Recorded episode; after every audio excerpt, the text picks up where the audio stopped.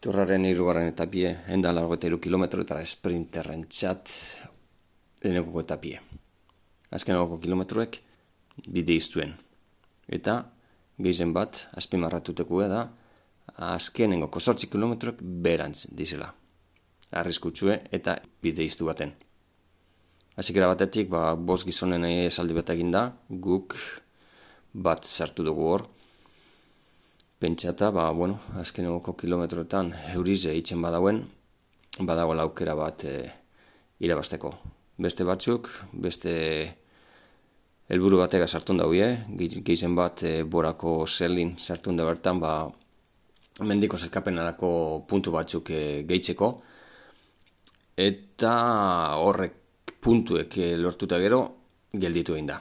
Ze pasada, boskizonezkoen e, iesalditik lau, laura pasatu gara, eta bakizu hori txarra dela e, gero releboka emoteko eta denpora mantentzeko hain talde txiki baten e, asko nabaritzen da.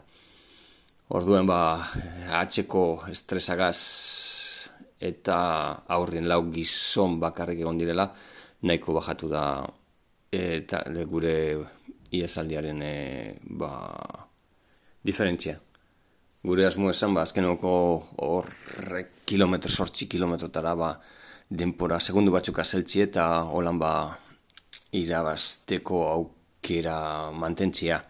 Baina, justo, justo, menditon tortzu horretan aldapa bera zibu orduko, e pelotoiak e, ez iesaldia harrapatu dago. Hortik aurrera, ze pasa da? Ba, kriston e, estresa gondalez, ba, jentie ia, ia, kilometro, kilometro rog, ia jeusten hasi dizela. Roglic lehenengo, Lopez ere, gero, apurtxu bat berau beste bat, Cavendish. Gero, elmugatik bost kilometrotara, beste bat. Non Demar eta Jack Haig jesire. Eta azkenenoko laure metrotan, bakaile piguan be.